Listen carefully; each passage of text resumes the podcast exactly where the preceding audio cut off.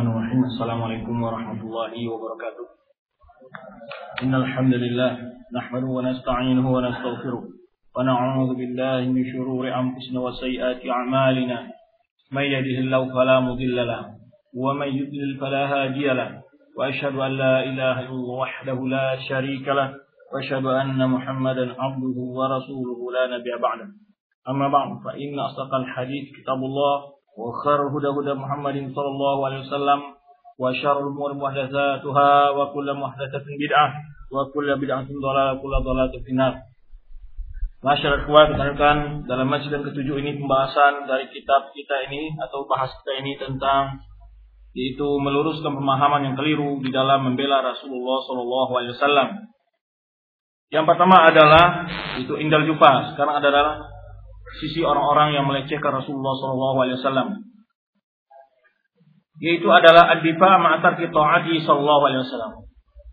Yaitu mengaku membela Rasulullah SAW sedangkan dia tidak mentaati Rasulullah SAW dalam berbagai perintah beliau dan berbagai ajaran beliau bawa.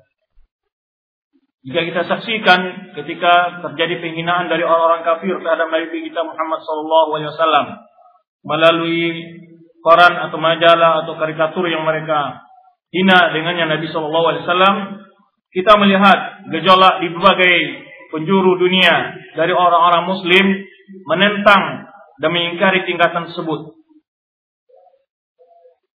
Bahkan ya kita lihat seluruh kaum muslimin di seluruh dunia sepakat untuk mencela dan mengingkari tindakan tersebut dan itu merupakan melampaui batas kewajaran bagi seseorang ketika kedudukan kenabian yang mula, mulia dihina dan dicemaki dia melalui tulisan ataupun gambar untuk menghina Rasulullah Shallallahu Alaihi.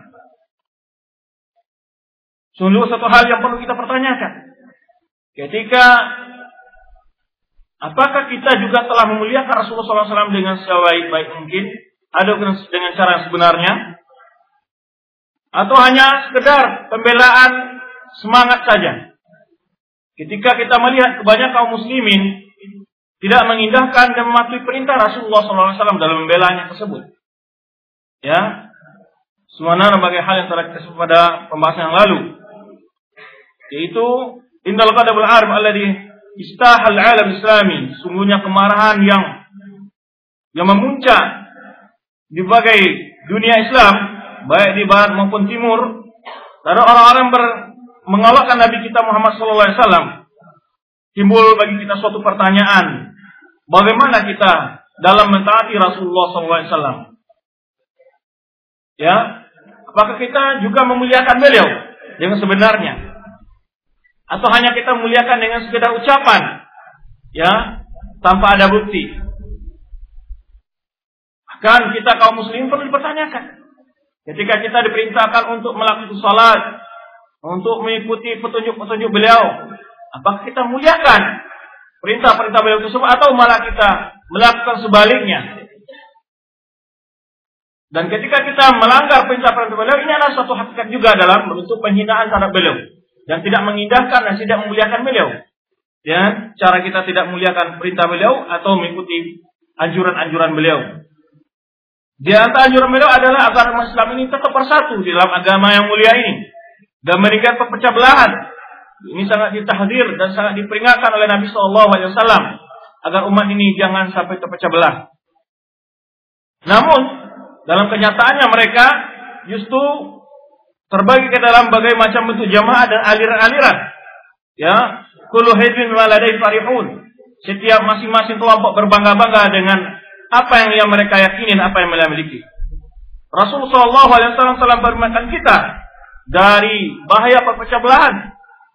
Ini di antara perintah Rasul yang tidak kita indahkan, yaitu terjadi perpecah belahan di tengah umat Islam ini dengan bermacam keyakinan-keyakinan atau amalan-amalan yang menyimpang dari sunnah dan tuntunan Rasulullah SAW.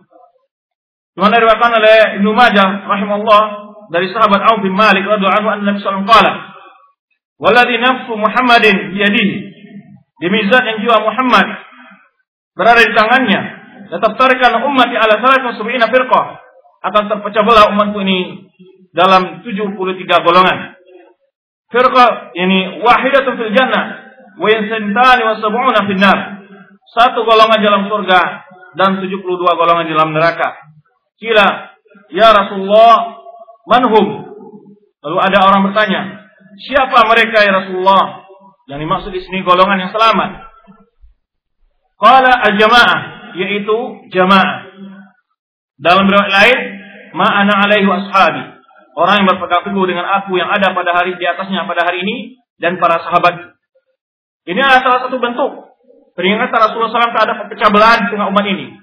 Bahkan yang selama itu adalah orang tetap bersatu dalam jamaah Rasulullah SAW, jamaah para sahabat dan jamaah para tabiin.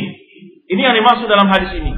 Ketika kita melihat umat Islam mengingkari terhadap tindakan-tindakan pelecehan dari orang kafir terhadap Nabi kita Muhammad SAW dan bahkan seluruh dunia kaum muslimin sepakat untuk mengingkari tindakan tersebut. Ada hal yang pun kita pertanyakan. Sudahkah kita juga memuliakan Nabi kita dengan cara yang sebenarnya, dengan sebenar-benar memuliakannya, di antaranya dalam hal bersatu dalam agama yang mulia ini. Fa inna ta'hud alladhi ini hadatsa li ummah li ummah islamiyah amama a'daiha. Sungguhnya kekuatan bersatu yang kita lihat dimunculkan oleh umat Islam di hadapan musuh-musuh mereka. Difa'anil Mustafa sallallahu alaihi wasallam dalam membela Nabi sallallahu alaihi wasallam ya ja'alun nad'u jami'al muslimin. Dengan bersatu begini kita mengajak semua kaum muslimin di jami' bulan Islamiyah dari seluruh penjuru negeri-negeri Islam ila nafsi furqa wal khilaf untuk meninggalkan perpecah belahan dan perselisihan wal istima' ala kitabillah wa sunnati nabiyhi dan bersatu di atas kitab Allah Al-Qur'an dan sunnah Nabi Muhammad sallallahu alaihi wasallam di pahmi salafil ummah ridwanullahi alaihim yaitu dengan memahami Al-Quran dan Sunnah menurut pemahaman dan pengamalan para sahabat yang mulia. Ini yang kita pertanyakan. Kenapa kita tidak bersatu? Ketika Rasul kita SAW dihina oleh orang kafir, kita melihat persatuan, melihat gejolak di bawah penjuru Islam, namun kita bertanya, apakahnya dalam kondisi ini saja kita bersatu? Sedangkan kita tidak mengindahkan nasihat Rasul kita SAW dalam masalah perpecah belahan ini, yaitu meninggalkan perpecah belahan dan meninggalkan perselisihan dan bersatu menjalankan agama ini sesuai dengan pengamalan para sahabat beliau. Simana pesan beliau dalam hadis-hadis yang bicara tentang perpecah belahan umat ini. Kemudian, adapun mentaati Rasulullah Shallallahu Alaihi Wasallam adalah tuntutan dari makna syahadat kita. Asyhadu an la ilaha illallah wa asyhadu anna Muhammad Rasulullah. Mentaati Rasulullah SAW adalah tuntutan dari makna syahadat kita. Di anna Muhammad Rasulullah. Walazim melawazimiha. Dan sebuah kelaziman atau konsekuensi dari bagai hal-hal yang dituntut dari kalimat kesaksian bahwa kita mengakui Muhammad sallallahu alaihi wasallam sebagai Rasulullah sallallahu alaihi wasallam. Inna mana syahada lahu bi annahu Rasulullah haqqan Sungguh persaksian kita mengakui bahwa Nabi Muhammad SAW adalah utusan Allah. Yang benarnya adalah ta'atu fima amar. Mentaatinya dalam apa yang diperintahkannya. Wa tasdiquhu fima akhbar. Dan membenarkan segala berita yang dibawanya. Wajdamu wa nahan wa. Dan meninggalkan segala apa yang dilarang dan dicegah oleh Rasulullah SAW. Wa alla yuqadallahu illa bima syara' dan tidak beribadah kecuali uh, dan tidak beribadah kepada Allah kecuali sesuai dengan syariatnya. Jika kita lihat, kita bandingkan keadaan kaum muslimin di masa kita sekarang, kita bertanya, sampai di mana ketaatan yang telah kita lakukan kepada Rasulullah Shallallahu Alaihi Wasallam? Ataukah kita ya ikut termasuk ke dalam orang-orang yang melecehkan perintah Rasulullah SAW, yang melelehkan perintah Rasulullah SAW, yang merendahkan perintah Rasulullah SAW, ya maka tidak heran orang kafir lebih lancang jika kita sendiri tidak menghargai dan tidak memuliakan perintah-perintah Rasul kita Shallallahu Alaihi Wasallam. Ya, maka oleh sebab itu satu hal yang perlu kita pertanyakan, hakikatnya kita membela Rasulullah SAW bukannya sekedar demonstrasi teriak-teriak, tapi baru kita imtisal benar-benar menunjukkan kesetiaan kita di dalam menghormati dan memuliakan serta mengagungkan Rasul kita Shallallahu Alaihi Wasallam. Bukan hanya sekedar acara-acara seremonial, acara-acara bid'ah, acara-acara yang tidak ada ditentukan oleh Rasulullah SAW, lalu kita anggap itu sebagai jalan untuk memuliakan Rasulullah SAW. Sedangkan perintah-perintah yang jelas dari Rasulullah SAW, kita meninggalkannya dan melalaikannya. Bahkan mungkin menyalahkan orang-orang yang menyalahkan sunnah Rasulullah SAW. Ini satu keanehan di tengah umat Islam ketika mereka mengatakan kami cinta Rasul, kami membela Rasul, kami tidak rela Rasul kami disakiti. Tetapi kita lihat umat Islam di dalam kehidupan mereka sehari-hari tanpa mereka sadari betapa banyaknya di antara mereka menyakiti Rasulullah SAW, menghina perintah Rasulullah SAW, melecehkan anjuran-anjuran Rasulullah SAW, ataupun melecehkan orang-orang yang menegakkan sunnah dan menyampaikan sunnah Rasulullah SAW. Wahada kamal ta'zim. Sesungguhnya pengagungan, penghormatan, dan penghargaan yang sebenarnya dilakukan oleh seseorang kepada Rasulullah SAW adalah dengan benar-benar mentaatinya dalam berbagai perintah yang di, dikemukakan atau disampaikan oleh Rasulullah SAW. Apa artinya penghormatan dan penghargaan bagi Nabi SAW? Ya, bagi orang yang sanksi terhadap berita-berita yang disampaikan oleh Rasulullah SAW. Ya, atau istan kafaan taatihi atau lari enggan dari mentaatinya atau melakukan bid'ah-bid'ah dalam agamanya ya dan menyembah Allah di luar cara yang ditentukan oleh Rasulullah SAW. Apa artinya? Kita mengatakan saya menghormati Rasul, saya menghargai Rasul, saya mencintai Rasul, tapi dalam sistem ibadah, cara-cara ibadah, berbagai bentuk amal yang kita lakukan, tidak kita ikuti Rasulullah SAW. Kemudian, walida istadda nakirullah ala man salaku fil ibadah sabila lam yasha'ha. Oleh sebab itulah Allah sangat mengingkari orang-orang beribadah di luar jalur, di luar garisan, di luar ketentuan Rasulullah SAW. Subhanahu Allah firmankan, Am lahu syuraka usara'u lahu minad din malam yang malam ya'zan bihillah. Apakah mereka memiliki tandingan-tandingan yang mensyariatkan bagi mereka dari agama? Apa yang tidak pernah diizinkan oleh Allah hal tersebut. Jadi Allah mengingkari orang-orang yang membuat bid'ah-bid'ah dalam agamanya ini. Melakukan ajaran-ajaran tidak pernah ditentukan oleh Rasulullah SAW. Dan ini suatunya hal orang yang menghina Ya, orang yang menghina dan melecehkan Rasulullah SAW adalah orang yang menambah ajaran dan agama Rasulullah SAW. Maka itu Allah SWT sangat ini mengingkari tindakan orang ini yang dia menganggap memuliakan Rasul, menghormati Rasulullah SAW, tetapi dia melakukan beberapa bentuk pelanggaran terhadap ajaran dibawa oleh Rasulullah SAW.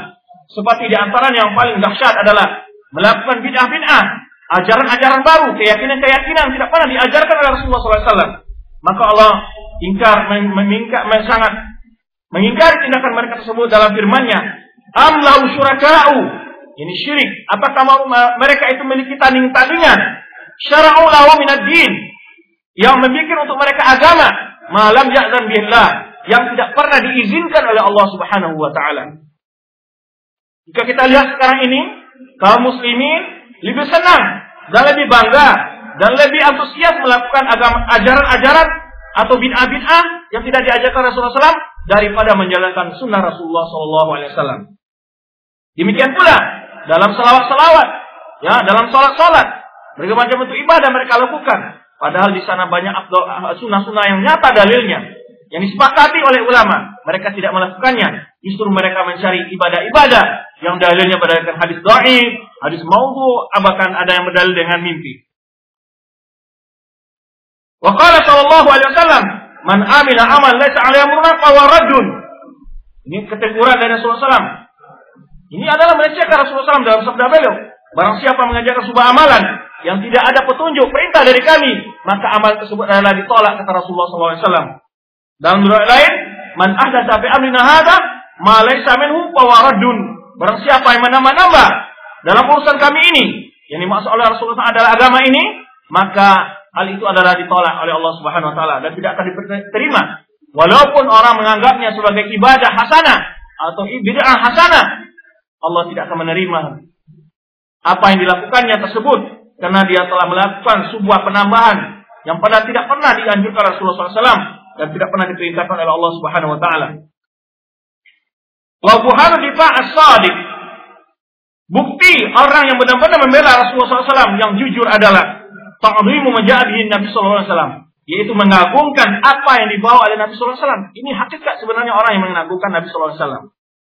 Minas syariah, yaitu mengagungkan apa yang dibawa oleh Nabi sallallahu alaihi wasallam dari agama ini.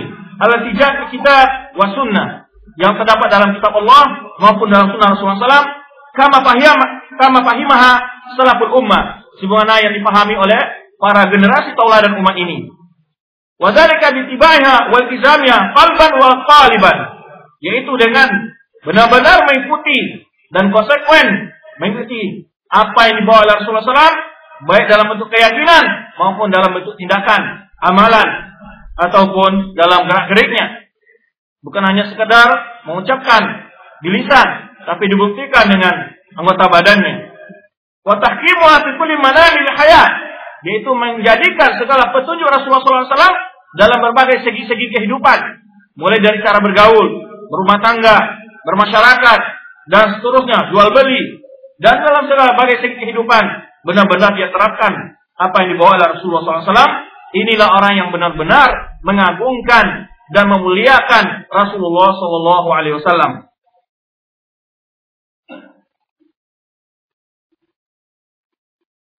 Wa muhal ayatim iman biduni dzalik. Sungguh sangat mustahil iman seseorang akan sempurna tanpa menjadikan syariat atau ajaran di Rasulullah SAW sebagai pedomannya, baik dalam urusan pribadi maupun urusan umum atau masyarakat umum. Allah sebutkan dalam firman-Nya, "Wa yaquluna amanna billahi wa bir rasul wa ata'na, thumma sayatawalla fariqum minhum min ba'di dzalika wa ma ulaika bil mu'minin." Wa yaqulun amanna billahi wa bir rasul. Mereka mengatakan kami telah beriman dengan Allah dan dengan Rasul. Wa ata'na dan kami mentaatinya. Summa yatawalla fariqum minhum. Kemudian sekelompok dari mereka berpaling dari antara mereka. Mimba di dalik setelah hal itu. Setelah ngaku mereka beriman dengan Allah dan Rasul. Namun setelah itu mereka berpaling dari hal itu. Ya sebagian antara mereka setelah itu. Wa ma ulaika bil mu'minin dan mereka itu bukanlah orang-orang yang beriman kata Allah Subhanahu wa taala. Fa inna hadha al-haqiqi. Maka tuntutan pembelaan yang sebenarnya, pengakuan yang sejujurnya adalah idil ibratu bil haqaiq dengan benar-benar mengikuti Rasulullah SAW karena yang menjadi ukuran adalah hakikat la bil madahir bukan hanya sekedar penampilan tapi adalah hakikat kebenaran yang diamalkan dengan lisan diyakini dengan hati Ucapan dengan lisan dan diikuti dengan perbuatan badan kita, anggota badan kita. Bukan hanya sekedar penampilan, ya. Baik dia mengaku sebagai ahlu sunnah bukan hanya sekedar penampilan, tetapi benar-benar dia jalankan dalam tingkah lakunya sehari-hari. Itulah orang-orang yang benar-benar mengagungkan dan memuliakan Rasulullah Shallallahu Alaihi Wasallam. Jadi ini ibratu bil haqaiq, la bil madair wa ashkar al jawfa. Karena menjadi ukuran adalah benar-benar mengamalkan ya merealisasikan, membuktikan dengan tingkah laku, mengikuti Rasulullah SAW, mengagungkan Rasulullah SAW, bukan yang sekedar penampilan atau sekedar gaya, ya. Walida qadam Allah hadal adab al-azim ala sair adab al-wajibah ma'an SAW.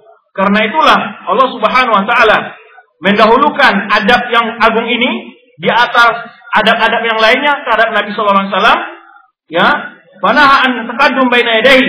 Maka oleh sebab itulah Allah Subhanahu wa taala melarang mendahului yaitu Rasulullah SAW di amrin duna amrihi atau qaul duna qaulihi. Mendahului mendahulukan perkataan siapa pun di atas perkataan Rasulullah SAW. Maka telah berlalu kita sebutkan firman Allah, Ya ayyuhalladzina amanu la tuqaddimu baina yadayi wa rasulih. Wahai orang-orang beriman, jangan kalian mendahului Allah dan Rasulnya. Lalu setelah itu baru datang ada adab berikutnya, ada berbicara. Ya, Ya alladzina amanu la tarfu aswatakum fawqa sautin nabi. Nah, ini baru datang adab-adab dalam berbicara. Oleh sebab itu di sini sebutkan adab wajibnya mendahulukan segala perintah Rasulullah SAW di atas segala perintah manusia Mendahului segala perkataan Rasulullah SAW di atas segala perkataan manusia. Ini ada pengagungan yang utama sebelum melangkah pada adab-adab yang lainnya. Bal yakunu tab'an amrihi munqadin lahu mustanibina nahyihi. Tetapi yang seharusnya adalah mereka benar-benar mengikuti perintah Rasulullah SAW. Tunduk terhadap hal yang diperintahkannya dan menjauhi segala larangannya.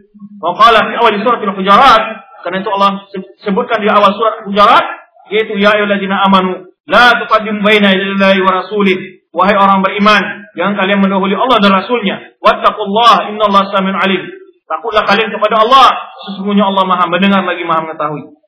Dalil wa man wa baina yadayhi di antara bentuk mendahului Allah dan Rasul itu adalah mendahulukan aturan-aturan buatan manusia, undang-undang buatan manusia, atau syariat atau undang-undang buatan manusia, hukum-hukum manusia di atas hukum Allah dan Rasulnya. Al tafsir hukum gairi atau mengatakan atau lebih mengutamakan atau lebih memuliakan hukum selain hukum Allah di atas hukum Allah dan hukum Rasulnya atau menjadikan sama yang menganggap sama hukum buatan manusia dengan hukum yang diturunkan oleh Allah Subhanahu wa taala. Waltizam manhaj mukhalif li hadis sunnat wa sunnatihi atau malah mengikuti ajaran-ajaran mazhab-mazhab pemikiran yang menentang sunnah Rasulullah Shallallahu Alaihi Wasallam. Karena itu Allah sebutkan, "Fala rabbika la yu'minun hatta yuhaqqimuka bima syajara bainahum." Demi Allah, demi Rabb engkau, maka tiada demi Rabb engkau di sini. Fala wa dan demi Rabb engkau la yu'minun. Mereka itu tidak beriman. Hatta yuhaqqimuka bima syajara bainahum. Sehingga mereka menjadikan engkau sebagai hakim pemutus kebenaran terhadap hal yang mereka berselisih di dalamnya. Tsumma la yajidu fi harajan kemudian tiada sedikit pun ada dalam dada mereka itu rasa berat dari menerima keputusan yang dibawa oleh Rasulullah SAW. Di sini berapa hal membuktikan keiman kita. Allah sebutkan wala wa rabbika la yu'minun. Sungguh mereka tidak beriman sampai mereka itu menjadikan pedoman, petunjuk dan arahan Rasulullah SAW sebagai hal yang memutuskan perkara-perkara mereka yang mereka berselisih di dalamnya. Kemudian dan tidak berat sedikit pun mereka menerima keputusan Rasulullah SAW terhadap hal yang diputuskan Allah dan Rasulnya. Summa la yajidu fi anfusihim harajan mimma qadaita wa yusallimu taslima. Wa yusallimu taslima maksudnya mereka mereka benar-benar tunduk arti membuktikan dan mengamalkan kalau yang pertama adalah itu menjadikan hukum Allah dan Rasulnya sebagai hal yang menjadi eh, yang menjadi keputusan mereka dalam hal yang mereka berselisih dalamnya. Kemudian mereka terima keputusan dengan hati, dengan dada yang lapang. Itu keyakinan. Kemudian dibentuk dengan diamalkan dengan bentuk tindakan, tingkah lakunya. Wa yusallimu taslima. Betul-betul tunduk dan diamalkannya. Wa as'adun nas hadan bi sunnatihi wa aqrabu ila syurbi min haudihi. Manusia yang sangat bahagia, yang sangat besar dalam mendapat atau mendapat bagian yang besar dengan sunnahnya dan amat dekat untuk meminum dari telaga Rasulullah SAW adalah ahlus sunnah wal jamaah. Orang yang benar-benar mengikuti sunnah Rasulullah SAW dan bersatu di atas sunnah. Fahum man ahyau sunnatahu. Mereka adalah orang-orang yang menghidupkan sunnahnya. Wattaba'u syari'atahu. Dan mengamalkan agamanya wad hadayahu dan petunjuknya. Wa minan nas mayatadhahar bidifa.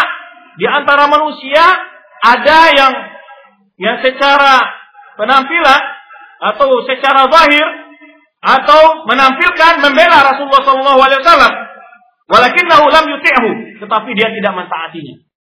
Ya. Secara perkataan, penampilan seolah dia orang membela Nabi sallallahu alaihi wasallam tapi dia tidak pernah mentaatinya amanah dan tidak pernah meninggalkan apa yang dicegah oleh Rasulullah SAW. Bal yatahawanu fi ada'i salat. Bahkan di antara mereka yang mengatakan, kami adalah orang-orang yang sangat mengagungkan Rasulullah, orang-orang yang sangat muliakan Rasulullah, sehingga kami rajin melakukan maulid, tetapi mereka lalai dalam melaksanakan sholat, bahkan jarang melaksanakan sholat berjamaah. Dan ini kita lihat kenyataan mereka. Dalil yang ada saja yang disyariatkan, yang diwajibkan mereka lalaikan, sesuatu yang bid'ah, mereka sangat antusias untuk melakukannya. Ini adalah melakukan. Apakah ini dikatakan suatu hal yang memuliakan Rasul? Apakah ini orang ini orang yang benar-benar menghormati Rasul Shallallahu Alaihi Wasallam? Ini pada hakikatnya mereka itu adalah telah melecehkan dan telah menghina Rasulullah SAW. Dan di antara mereka mengetahui tentang sunnah yang wajib, memanjangkan jenggot, tapi mereka mencukur jenggot. dan mengisbal dan mereka tahu tentang hukum isbal, ya, tahu dalil-dalilnya, mereka justru enggan fi anwa'il munkarat dan jatuh atau melakukan berbagai macam bentuk ke apa namanya? bentuk kemungkaran dan maksiat. Ini tidak ada artinya mengaku. Kami orang paling setia mencintai Rasul. Bagaimana kesetiaan kamu kepada Rasul? Apa hanya dengan ucapan? Ya? Atau dengan apa? Apa benar-benar mengikuti Rasulullah SAW? Orang yang benar-benar mengagungkan Rasulullah SAW adalah orang yang benar-benar mengikuti Rasulullah SAW dan menerapkan perintah beliau, mengakukan perintah beliau, dan meninggalkan larangan-larangan beliau, dan menjauhkan dan meninggalkan macam bentuk bid'ah yang dilakukan dalam agama Rasulullah SAW. Qala Syekh Islam Ibnu Taimiyah rahimahullah wa inna ma ta'zimur rusul bitasdiqin bima akhbaru bihi. Kata Syekh Islam Taimiyah, orang yang benar-benar hanya sungguhnya mengagungkan rasul-rasul itu adalah mempercayai mereka terhadap apa yang mereka bawa, terhadap berita yang mereka sampaikan dari Allah Subhanahu wa taala. Wa ta'atuhum fima amaru bihi dan mentaati apa yang mereka perintahkan. Wa mutaba'atuhum wa mahabbatuhum mengikuti mereka dan mencintai mereka. Wa muwalatuhum dan membela mereka. Setelah mereka wafat membela agama mereka, membela sunnah mereka, membela orang yang menegakkan sunnah mereka. Ini yang serikatnya orang yang mengagungkan, menghormati dan memuliakan Rasulullah Shallallahu Alaihi Wasallam. La takdziba bima arsalu bihi, bukan menustakan apa yang dibawa oleh Rasulullah Hari-hari ini kita lihat banyak orang mengaku akan membela masalah maulid, tetapi kadang-kadang dia mencela Pamanya, oh kita tidak poligami itu adalah syariatnya orang Arab. Hukum kisah tidak pantas untuk dilaksanakan zaman sekarang. Menghina, menghina dan menghina ajaran Rasulullah SAW. Apakah ini orang yang mengabarkan sebagai orang cinta Rasulullah SAW? Kemudian, wal isyraq fihim atau malah mengangkat mereka, mengkultuskan mereka, menjadikan tandingan-tandingan bagi Allah dalam ibadah. Ya, wal fihim ya ekstrim dalam mencintai mereka melebihi batas yang Allah dan Rasulnya. Bal hadza kufrum. Pada hakikatnya orang-orang yang bertindak seperti ini adalah kufur dengan mereka, mengingkari apa yang mereka bawa. Wa ta'nun fihim. Pada hakikatnya ini adalah celah mencela mereka dan menghina mereka. Wa mu'adatul lahum. Pada hakikatnya ini adalah memusuhi mereka. Itu orang-orang yang mengaku mencintai Rasul namun tidak pernah melakukan perintahnya atau lalai dan menentukan perintahnya atau malah tidak pernah meninggalkan larangannya, ini adalah orang-orang perhatiannya adalah memusuhi Rasul. Kalau benar-benar dia mengagungkan, kalau benar-benar dia mencintai, tentu dia akan mematuhi Rasulullah SAW dalam segala perintahnya dan meninggalkan apa yang dicegah oleh Rasulullah SAW dan meninggalkan sunnahnya dan meninggalkan melakukan bid'ah dalam agamanya.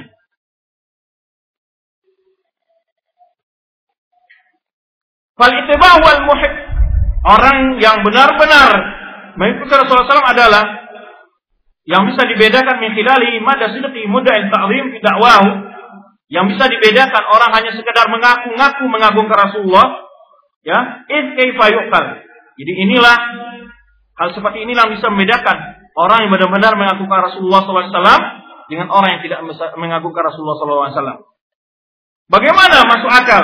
Dan bisa dibayangkan orang mengaku Ya, seseorang mengaku mencintai Rasul, mengagungkan Rasul dan memuliakan Rasul, tetapi dia tidak melaksanakan apa yang dibawa oleh Rasulullah SAW dan tidak meninggalkan apa yang dicegah oleh Rasulullah SAW. Walayakum waznan dan tidak pernah menghargai perintah-perintah Rasul dan tidak pernah menghargai larangan-larangan Rasul. Ya, wala itibar lima ja'abi dan bahkan tidak memikirkan dan tidak mau mempelajari apa yang dibawa oleh Rasulullah SAW. Apakah ini orang yang dikatakan mencintai Rasulullah SAW? Jadi ketika pemahaman memuliakan Rasul oleh orang pada zaman sekarang terbalik. Orang memuliakan Rasul adalah orang melakukan maulid Nabi, orang yang mau beristighosah dengannya, orang yang bertawasul dengannya. Pemahaman yang sangat terbalik dan menganggap orang-orang yang melaksanakan sunnahnya, mempelajari sunnah, menyebarkan sunnahnya, mengingkari macam bentuk syirik yang bid'ah, dianggap orang yang menentang Rasulullah SAW. Satu cara yang sangat ya al-haqqu dipandang batil, yang batil terpandang hak. Walaqad ja'ala eh, al-ittiba' huwa burhanu mahabbati. Sungguhnya Allah telah menjadikan kesungguhan seorang mentaati Rasul sebagai mizan, sebagai bukti, ya, sebagai burhan, bukti dari kecintaan seorang tadi mencintai Rasul. Ya, atau bukti orang yang mencintai Allah adalah mengikuti Rasul.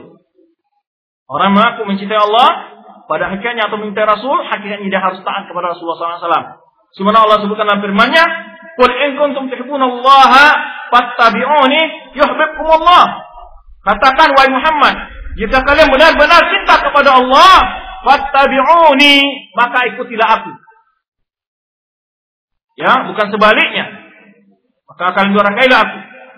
Allah menyerang syirik, kita malah berbuat syirik. Rasulullah melakukan bid'ah, kita melakukan bid'ah. Kemudian Allah sebutkan qul in kuntum tuhibbunallaha fattabi'uni. Katakan wahai Muhammad, jika kalian benar-benar mencintai Allah, ikuti aku kata Rasulullah SAW.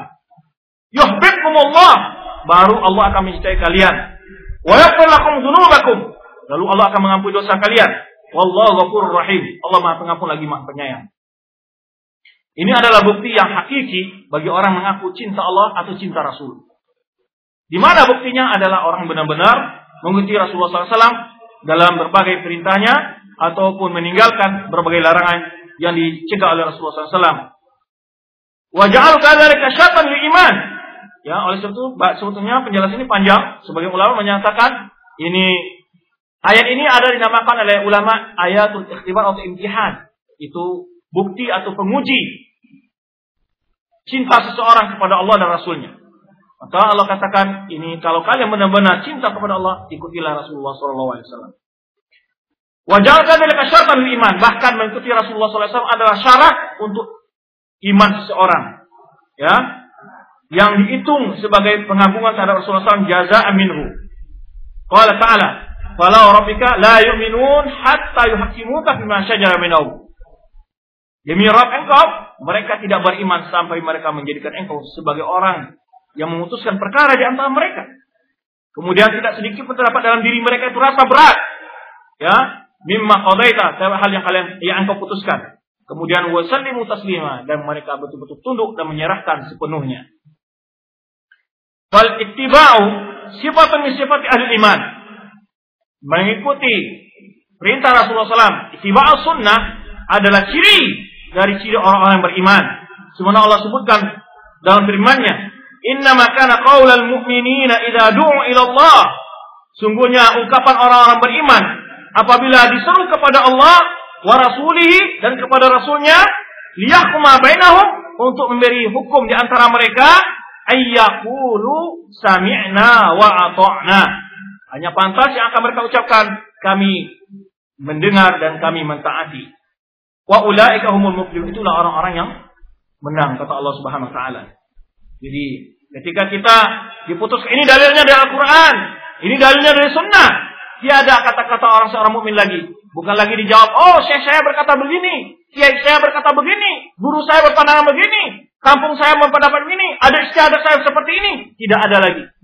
Apabila sudah Allah memberikan keputusan dan Rasul memberikan keputusan, Perkataan seorang orang yang beriman adalah sami'na wa ata'na. Kami dengar dan kami taati. Tidak ada lagi dibanding-bandingkan. Tidak ada lagi ceritanya di, di, di, di apanya dikias-kiaskan atau lebih ditakwil-takwil dan seterusnya. Jawaban mereka ketika diberikan tuntunan Al-Quran dan Sunnah, mereka mengatakan sami'na wa ata'na. Kami kami dengar dan kami patuh. Kemudian dalam ayat lain Allah sebutkan ya Bagaimana konsekuensi kalau kita benar-benar mengagungkan, memuliakan Rasulullah SAW? Maka nali mu'minin wala mu'minatin idza qadallahu wa rasuluhu amran ay yakuna lahum khiyaratu amrihim.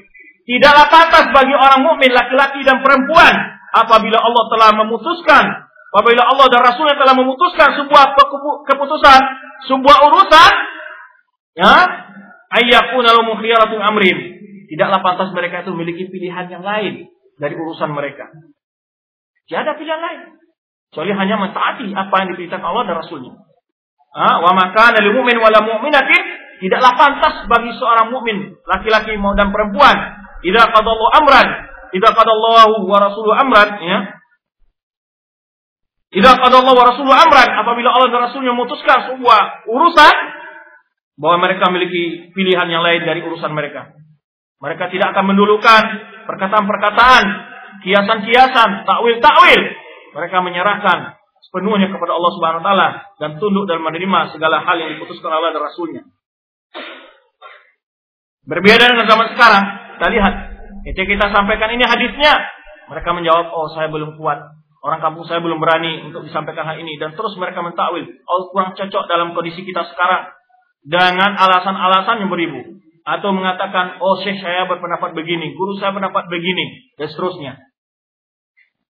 Fahal muwakkar Rasulullah Fahal muwakkir Rasulullah SAW illa man tamassaka bi sunnati. Orang yang benar-benar menghormati memuliakan Rasulullah SAW kecuali orang yang benar-benar berpegang teguh dengan sunnah Rasulullah SAW. Waktu sama biha dan berpegang teguh dengannya. Wasara ala nahjihi dan berjalan di atas manhaj Rasulullah SAW. Waktu tafa asarahu dan benar-benar mengikuti langkah Rasulullah Sallallahu Alaihi Wasallam. Inilah orang yang benar-benar memuliakan, menghormati, mengagungkan Rasulullah Sallallahu Alaihi Wasallam. Waqad satara sahabatul arwa al-amthilah wa asdaq al-a'mal fi difa'an Rasulullah sallallahu alaihi wasallam. Ya, Pedifa Rasulullah Sallallahu Alaihi Wasallam. Sungguhnya sahabat telah mengukir sejarah yang indah bagaimana mentaati Rasulullah Sallallahu Alaihi Wasallam. Ya, bagaimana membela Rasulullah Sallallahu Alaihi Wasallam. Ini wafidaihi wa amwal wal aulad wal anfas. Bahkan mereka dalam membela Rasulullah SAW menembus dengan jiwa, harta dan anak-anak serta keluarga mereka. Ya, Kemarin sudah kita ungkapkan ungkapan sebagian orang uh, kafir Quraisy ketika berdialog saat Hudaybiyah. Yang mana dia lihat saya tidak pernah melihat ya seorang raja pun yang cinta para sahabatnya sebagaimana cinta sahabat Muhammad kepada Muhammad sallallahu alaihi wasallam. Oleh itu sahabat telah mengukir sejarah yang betul indah bagaimana mencintai, menghormati, mengagungkan Rasulullah SAW Bahkan mereka menebusnya dengan harta dan jiwa mereka serta keluarga mereka.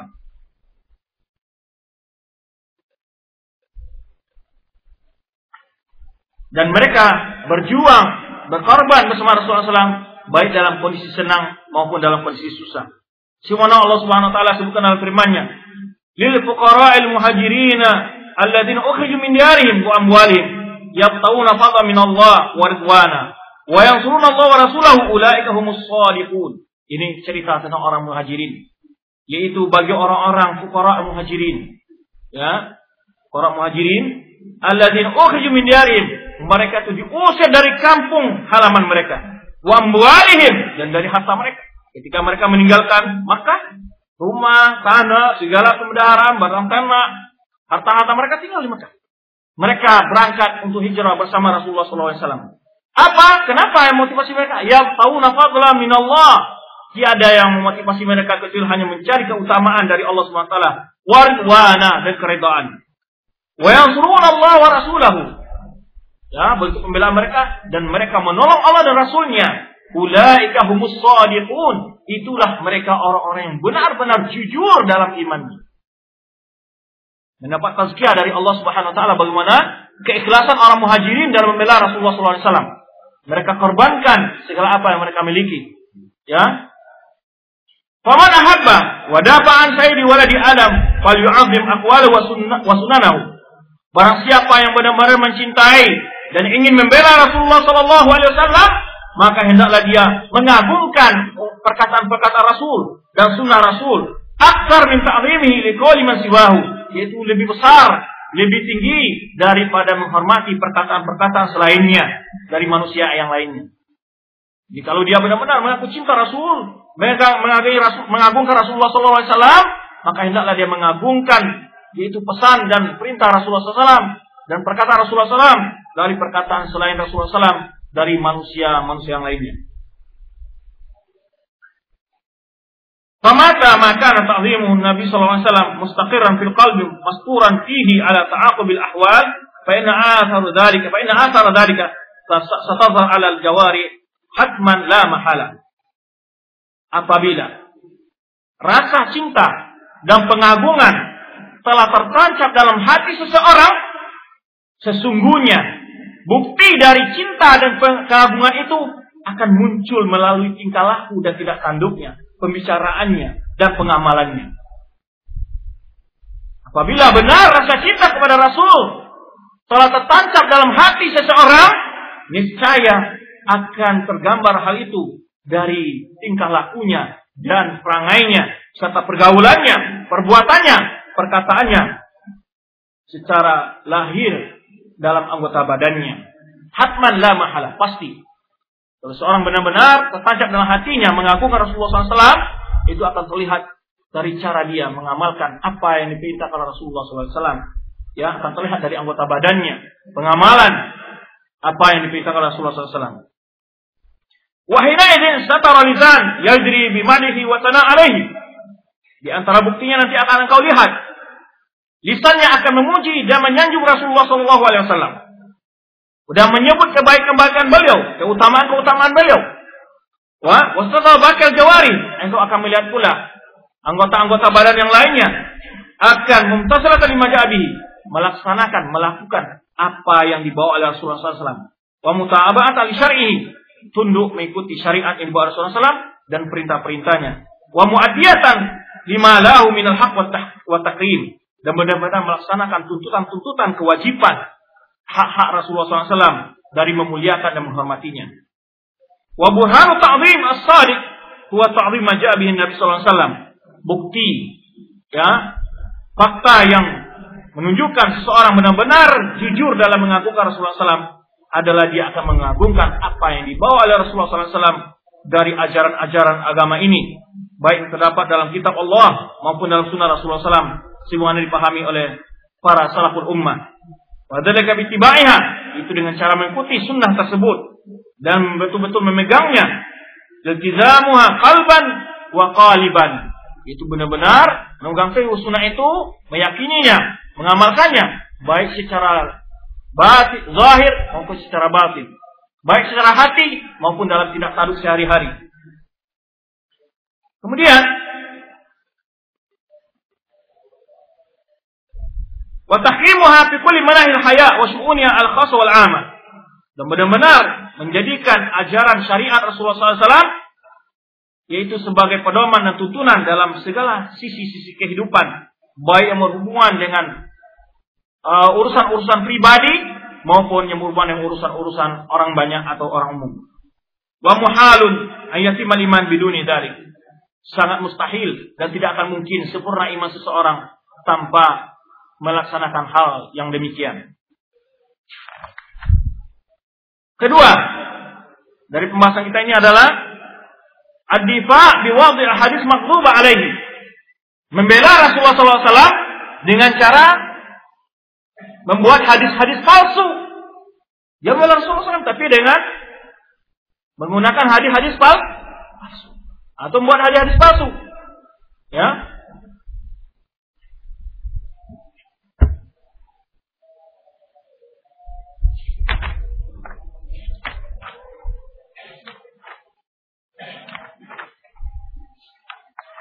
Ini pembahasannya agak panjang.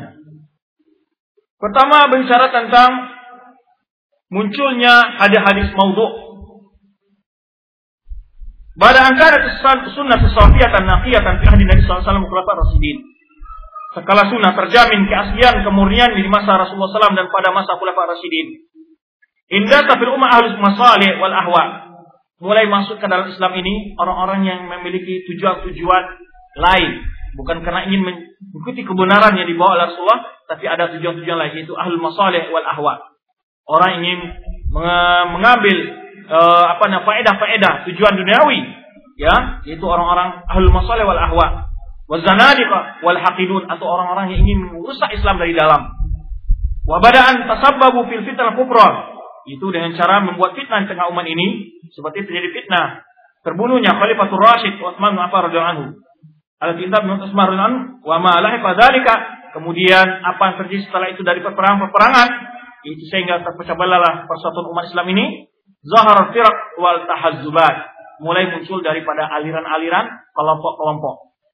Wasa'al kul firqatin li nusrati ara'in dari sini masing-masing ingin mendukung membela ya menyebarkan pemikiran-pemikiran setiap kelompok. Ingin menyebarkan pemikiran mereka. Bahwa al hadis li ta'i ara'in dari sini mereka membuat hadis-hadis palsu untuk pembenaran, untuk mendukung pandangan-pandangan dan pendapat mereka. Jadi, bagaimana munculnya hadis-hadis palsu itu? Di antaranya itu tadi. Emang karena ada tujuan-tujuan ya yang ingin terselip, diselipkan ketika dia masuk Islam, ya, imam musuh-musuh Islam, lalu ahwa, orang yang cinta kekuasaan, orang yang ingin kedudukan, orang yang ingin merebut ke pengaruh, atau ingin yang ingin merusak Islam dari dalam. Lalu mereka memecah belah umat Islam kepada berbagai kelompok. Lalu masing-masing kelompok ini ingin mendukung, ingin membuktikan kebenaran masing-masing dengan cara membuat hadis-hadis palsu. Wabihada nasya'al wada fil hadis. Dari sini muncullah hadis-hadis palsu. Pada hadis fi fadl askhar. Muncullah ada hadis-hadis itu tentang fadilah-fadilah uh, seseorang. Ya, orang yang pro umpamanya ke Ali membuat hadis-hadis palsu tentang keutamaan Ali, Ahlul Bait dan seterusnya. Wal bulgan atau membuat hadis-hadis palsu tentang keutamaan sebuah tem tempat. Ya wa dan lainnya. Asbabul wada. Sebab-sebab munculnya hadis palsu. Nasad harakatu wad' hadis al-maqtu' ala Rasulullah di asbabin adidah munculnya hadis-hadis palsu yaitu memiliki indikasi-indikasi yang sangat banyak atau sebab-sebab yang berbeda-beda atau tujuan yang berbeda-beda Ya. Minha yang pertama adalah ifsaduddin, itu ingin merusak agama Islam. Kama waqa'a min ba'di zanadiqah. Sebagaimana dilakukan oleh sebagian orang-orang orang sindik. Ya. Wal asabiyah madhabiyah atau ta'assub terhadap sebuah mazhab. Wa ahwal sia-sia atau apa? Keadaan poli, politik, kondisi politik. Wal igraq di qasdil ishtihar. Atau ingin terkenal maka dia membuat suatu hal yang ganjil. Supaya dia terkenal terkenal.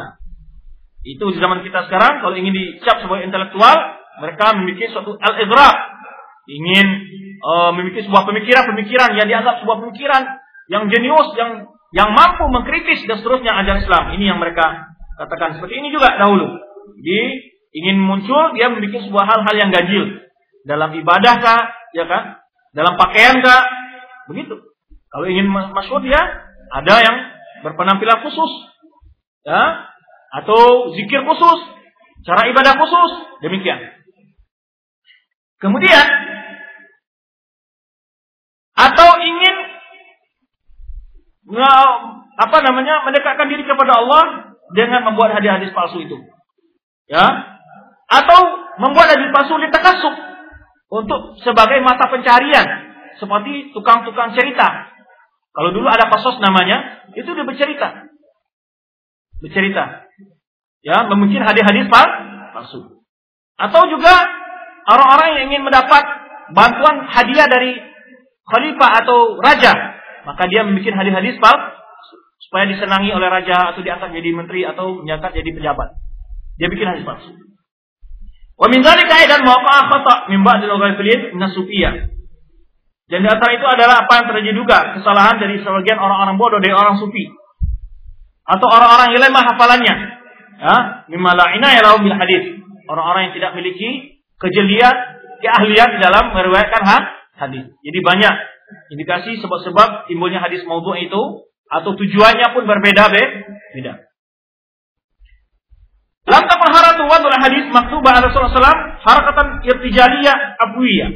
Jadi munculnya gerakan pembuatan hadis-hadis palsu tidak lahir dengan begitu saja.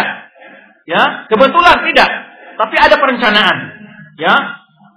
Innama tatawwar ila hakatin madrusa hadifah. Tetapi berlanjut kepada gerakan yang diatur ya madrusa yang dipelajari ya yang diadakan sudah dengan gerakan yang ter, teratur terorganisir ya. Wa khutatun syamilah memiliki tujuannya tujuan dan rencana-rencana yang luas. Laha khataruha wa asaruha yaitu ingin ada tujuan-tujuan yang ingin mereka capai di balik pembuatan hadis palsu itu karena min nata'ija mubasyara ala adid min ajal muslimin fil adid min aqtarihim min aqtarihim sehingga akan mempengaruhi kebanyakan uh, orang-orang muslim di berbagai negeri. Syuk malusa min ara al-ghariba, itu lahirnya bagai pendapat-pendapat yang ganjil dalam agama ini. Ini salah satu asar dari itu munculnya keyakinan-keyakinan yang aneh, pandangan-pandangan, ya pendapat-pendapat dalam agama ini. Muncullah pemahaman-pemahaman yang aneh. Wal qawaid fiqhiyah syadha atau kaidah-kaidah yang syadz yang ganjil juga. Wal qawaid zaifah atau keyakinan-keyakinan yang yang batil. Wal iftiradat nazariyah mudhikah atau itu kesimpulan-kesimpulan pendapat yang membuat ketawa. Ya, allati ayyadaha wa ta'amalat biha ya wa rawajat laha firaqan wa ta'ib muayyana. Yang mana hal ini disebarkan dan didukung ya dan dipopulerkan ya oleh kelompok-kelompok dan aliran-aliran yang bermacam-macam. Labisat masuh darusyah wa tasawuf hinan. Kadang-kadang dia berpenampilan sebagai orang ahli tasawuf. Kadang-kadang dia penampilan sebagai orang ahli pemikir, filsafat. Ya, dia dalam memunculkan pendapat, pandangan itu bermacam model dia. Kadang-kadang mengaku sebagai orang ahli tasawuf. Kadang-kadang dia mengaku sebagai orang ahli pemikir, filsafat dan seterusnya. Atau muncul sebagai orang ahli ibadah, ubat. Atau muncul pura-pura sebagai orang yang zuhud, ya, agar orang apa? Fanatik kepadanya. Ya, dia berpenampilan yang menarik, ya, Wajabat fi ghalib ahwaliha as-suluk. Ya, sehingga membuat akhlak-akhlak orang melenceng dari jalan yang lurus. Wa fikr wa akal salim dari pemikiran yang selamat. Fadlan Abu Jazabat ya as-sarih al-kitabil azim, kitabil azim. Ya, apalagi itu dan lebih-lebih lagi, yakni terutama lagi adalah hal-hal itu menentang Al-Qur'anul Karim, ya, dan petunjuk Nabi Shallallahu alaihi wasallam. Wa min turuq al-batil fi nashr hadis dha'ifa wal mawdu'a bainan nas. Di antara cara-cara yang dilakukan oleh orang kelompok-kelompok batil dari kelompok-kelompok yang sesat ini menyebarkan hadis maudhu' tengah manusia yaitu wal maksud fi hadis maudhu'ah ya hadis maktuba alaihi salam. Jadi maksud hadis maudhu' itulah hadis yang di, dibikin-bikin atas nama Rasulullah SAW yang syurunaha bainan nas di anha tahmilu ma'ani batila al-fasidah. Mereka menyebarkan di tengah-tengah manusia yaitu membawa makna dan pemahaman yang rusak, yang yang batil. Wahum ya'rifuna muslimin yuhibbuna sunnah Rasul. Karena mereka tahu setiap orang muslim pasti mencintai sun sunnah Rasul. Maka dia bikin hadis-hadis palsu. Wahibuna ta'aruf alaiha dan juga mereka tahu yaitu keinginan setiap muslim untuk mengenal hadis-hadis Rasulullah. Fayada'una ba'dal hadis wa yansibunaha li Rasulullah sallallahu Maka mereka bikin hadis-hadis palsu Lalu mereka apa sandarkan kepada Rasulullah Shallallahu Alaihi Wasallam. La aslahu wahum la yakribuna Rasul fakat. Ya, itu hadis-hadis yang tidak ada asalnya. Ya, dan mereka bukan hanya sekedar berdusta di atas Rasul, akan tetapi mereka pun membuat kedustaan atas ulama-ulama kaum muslimin yang mereka itu sebagai tauladan bagi umat ini. Tidak hanya atas Rasul, membuat perkataan-kata palsu terhadap Imam Ahmad, ya imam-imam yang masyhur. Ya wahum qudwa lil ummah min ajli an dzalikal batil. Ini mereka nisbahkan hadis-hadis maudhu kepada imam-imam yang masyhur. Ya hadatsani Ahmad umaya dan seterusnya. Ya? Karena mereka itu dipercaya oleh umat maka mereka dalam memikir hadis palsu mereka sandar kepada imam-imam yang masyhur dari imam-imam yang dicontoh yang menjadi panutan oleh tengah-tengah umat Islam. Ya untuk mereka menyebarkan kebatilan maka mereka menisbahkan sebagai kebatilan itu kepada umat kepada ulama-ulama yang masyhur yang menjadi contoh dan yang menjadi panutan oleh umat Islam. Wakat berkata Syiah, tetapi kelompok Syiah Rafidah adalah kelompok yang paling terdepan dalam membuat hadis-hadis palsu. Ya, Syiah adalah kelompok yang paling terdepan dalam membuat hadis-hadis palsu. Ya, dan kelompok yang paling berani membuat hadis-hadis palsu. Ya,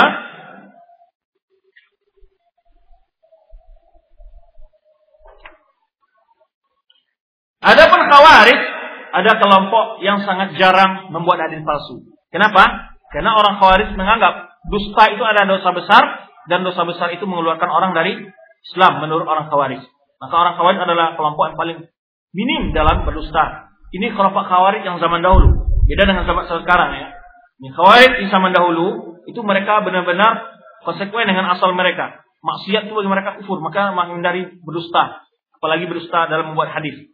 Tapi Khawarij zaman sekarang, ya mereka adalah orang paling ulu dalam berdusta.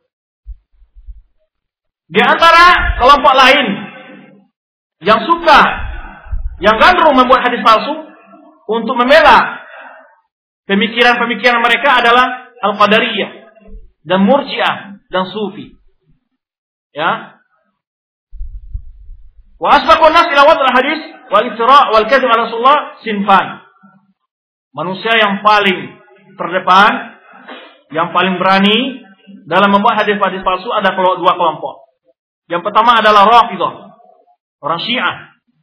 Ya, sungguhnya orang Rafidah adalah kelompok yang paling banyak berdusta atas Allah dan merubah kitab Allah dan berbohong atas Rasulullah Shallallahu Alaihi Wasallam ya dengan meletakkan hadis-hadis palsu.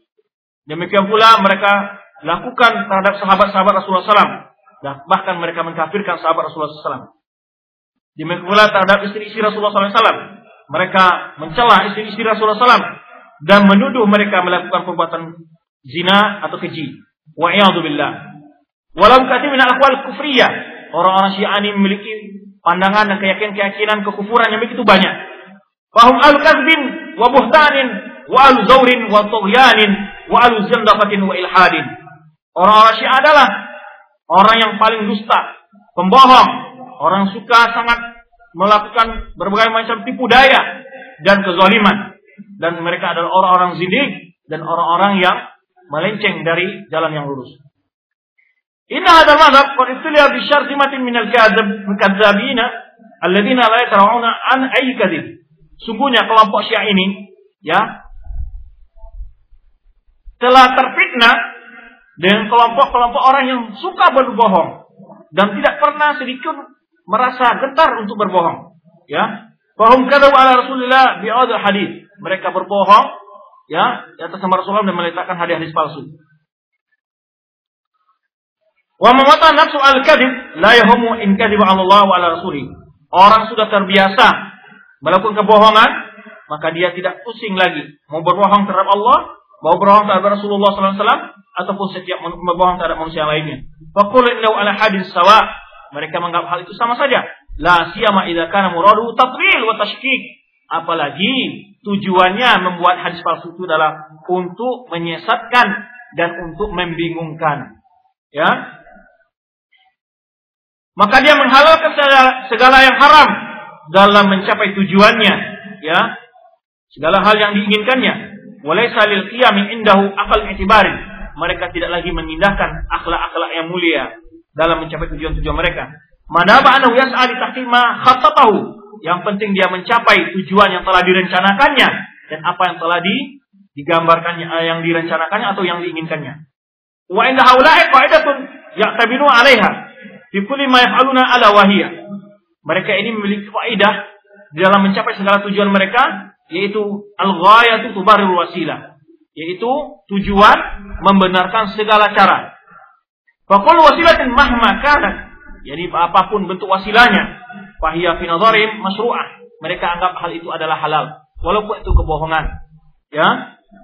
Wa idza kanat wa idza kanat lahum agradahum wa tusiluhum ahdafim wa maramihim. Yang penting cara itu adalah menyampaikan mereka kepada harapan mereka dan mengiring mereka kepada tujuan mereka dan harapan mereka. Penting itu. Ya. Wa yakfika an ta'rifa. Masalan anna adama kitabin indahum cukup sebagai contoh untuk Anda ketahui. Ya sebagai contoh saja. Itu kitab yang paling agung menurut mereka. Di sisi orang Syiah itu Hibatul Syari Syiah. Dibandingkan kitab-kitab lain dan kitab-kitab Syiah yang lainnya itu disebut dengan yaitu wakaifa yang sebenarnya yaitu usul kafi. Kitab usul kafi yaitu yaquluna bi anna fi al hadis mahduba bahwa di dalamnya terdapat ribuan hadis-hadis palsu ya ini adalah ungkapan orang Syiah Rafidah sendiri yaitu yang sekarang ini hidup namanya Tijani dalam kitabnya Fas'al ala dzikri. Ya. Dia mengakui sendiri, orang Syiah mengaku sendiri bahwa dalam kitab Usul Kafi yang menurut pandang orang Syiah yaitu bagaikan Sahih Bukhari menurut Al-Sunnah, itu mereka menganggap itu di dalamnya ribuan hadis palsu. Itu bukan perkataan Al-Sunnah, tapi perkataan Syiah sendiri, itu Tijani, ya, dan kitabnya Fas'al Ahla Dzikr. Wa idza kana hadha halu a'zami kitabin indahum. Apabila kitab yang paling mulia menurut mereka setelah Al-Qur'an begini keadaannya, bagaimana dengan kitab-kitab Syiah yang lainnya? Ya kan? Wa kaifa yusiqu bi misli hadhil kutub al-mumtali'a bil kadhib? Bagaimana bisa kita percaya dengan kitab-kitab seperti ini yang isi penuh dengan hadis-hadis palsu? Syekh kami menyebutkan orang yang pertama sekali membuat hadis-hadis palsu, masalah melakukan perjalanan untuk ziarah kubur adalah ini humur ahl bidah rawafidah adalah di kelompok orang rawafidah. Alladzina yu'attiluna al-masajid wa yadumuna al-masyaid. Mereka yang meninggalkan masjid untuk tempat ibadah dan mereka beribadah di kuburan. Ya, mereka meninggalkan masjid sebagai tempat ibadah dan mereka beribadah di kuburan. Yang pertama membuat manasik, mereka punya manasik namanya, itu manasikul masyahid. Itu tata cara melakukan manasik haji di kuburan. Ya turukuna buyut Allah allati amara ismuhu. Mereka meninggalkan rumah-rumah Allah yang Allah perintah untuk menyebut nama Allah di dalamnya. Dan mereka mengagungkan kuburan-kuburan yang mereka allati yusyraku indah. Yang di situ mereka melakukan sebagai warna kesyirikan. Wa kitab wa sunnah ja'a bi masajid lal masyahid. Sedangkan kitab dan sunnah datang untuk mengagungkan masjid bukan mengagungkan kuburan. Waqad amada al-majus min al-furs wa hum aktsariya ila taswiyat tashwih tarikh islami. Demikian pula kelompok dari kelompok orang Majusi yang masuk ke dalam Islam secara tipu daya, dalam untuk menipu daya, yaitu untuk merusak sejarah Islam dan memasukkan hadis-hadis palsu ya atas nama Rasulullah SAW. Wa amalu ala tajrih alam sahabat dan mereka membuat kisah-kisah untuk mencela para sahabat. Ya, untuk mencela para sahabat. Seperti Abu Bakar dan Umar dan Utsman. Warahu yasimuna fitan. Mereka ingin membesar-besarkan fitnah yang terjadi di antara sahabat. Ya, atau di antara tabi'in. Kemudian bekas atau asar dari hadis ini, hadis-hadis palsu yang mereka bikin tentang peperangan antara sahabat itu, yaitu jelas sekali dalam kejadian-kejadian fitnah Wa aradu min wara'i dzalika ayukaddimu tarikh islami li basyari ala anu fitan wa huruf wa. Tujuan mereka adalah agar tergambar bagi orang ya orang-orang uh, Islam atau kepada orang muslim ingin menggambarkan bahwa sejarah Islam itu hanya penuh dengan apa? darah dan peperangan saja senantiasa. Ya, ini tujuan mereka. Jadi mereka membuat hadis-hadis palsu tentang fitnah-fitnah yang terjadi itu terbunuh sekian, mati sekian, sesungguhnya terjadi uh, pokoknya membuat hadis-hadis palsu yang seolah terjadi kehancuran yang luar biasa antara sama sahabat. Pembunuhan yang luar biasa. Jadi demikian sepanjang sejarah Islam karena ingin ingin merusak sejarah Islam dan ingin menampilkan sejarah Islam itu di hadapan umat manusia adalah sejarah yang penuh dengan peperangan dan fitnah serta pertumpahan darah. Bicara orang Syiah adalah merusak ajaran Islam. Wa idza raja ila kutub allati tatahaddatsu 'anil fitnah, apabila kita melihat buku-buku yang bicara tentang fitnah, perpecahan terjadi di kalangan kaum muslimin, kita akan mendapati rawi-rawi hadisnya adalah berkisar antara Abu Mihnah, Lut bin Yahya, wal Waqidi, wa Muhammad bin Said al-Kalbi, wa ibnuhu Hisham bin Muhammad bin Said al-Kalbi, fahaulai arba'ah tarji ilahi mu'zam riwayat fitnah al-mashkuk biha. Jadi yang banyak meriwayatkan hadis-hadis tentang fitnah itu mereka ini. Siapa mereka? Semuanya rawinya adalah si Syiah. Abu Mikhnaf, Lut bin Yahya, wal Waqidi, wa Muhammad bin Sa'id al-Kalbi, wa ibnuhu Hisham bin Muhammad bin Sa'id al-Kalbi. Maka yang berempat ini adalah yaitu riwayat kebanyakan yang meriwayatkan hadis-hadis tentang fit. Oleh mereka yang berempat ini adalah yaitu imam pilihan dari orang Syiah. Utama tadi kutub Syiah bimadhim wa sana alaihim. Jadi kitab kitab Syiah sangat memuji dan menyanjung orang yang empat orang ini. Wa hadhihi ta'ifah tu'addu min akhtaril tawaif. Kelompok ini adalah kelompok yang sangat berbahaya terhadap Islam ya. Min batala ta'assub li madhhabihim. Di antara demikian pula mereka sangat ta'assub dengan mazhab mereka. Qamat syiah biwadul hadis makdubah jadi demi untuk membela mazhabnya demi keta'assuban mereka dalam mazhabnya mereka membuat hadis-hadis palsu di atas Rasulullah SAW demikian hadis-hadis palsu juga terhadap sahabat radhiyallahu anhum. Khasatan fi ahdatsil fitan. Terlebih khusus tentang kejadian-kejadian apa fitnah perselisihan-perselisihan yang ada di antara kaum muslimin di masa sahabat dan masa tabi'in. Wa faqad lihadzal amr rawajan kabiran. Persoalan ini telah menjadi yang banyak tersebar di tengah-tengah manusia. Nazara li quwwati syaukati syiah fi dzalikal waqt. Disebabkan karena kuatnya pengaruh syiah pada waktu itu. Kama ta'assabu bi syiddatin li Faris. Di mana mereka ta'assub bagi Faris. Karena asal orang Syiah itu kebanyakan orang Syiah itu Rusia, yang Iran sekarang, ya.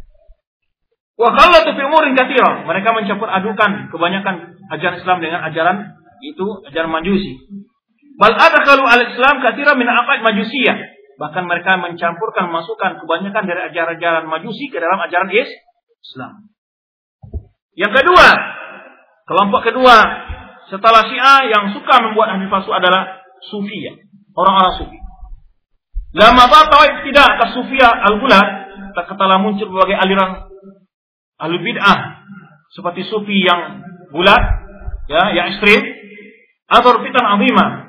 Ini batanu bihan nas.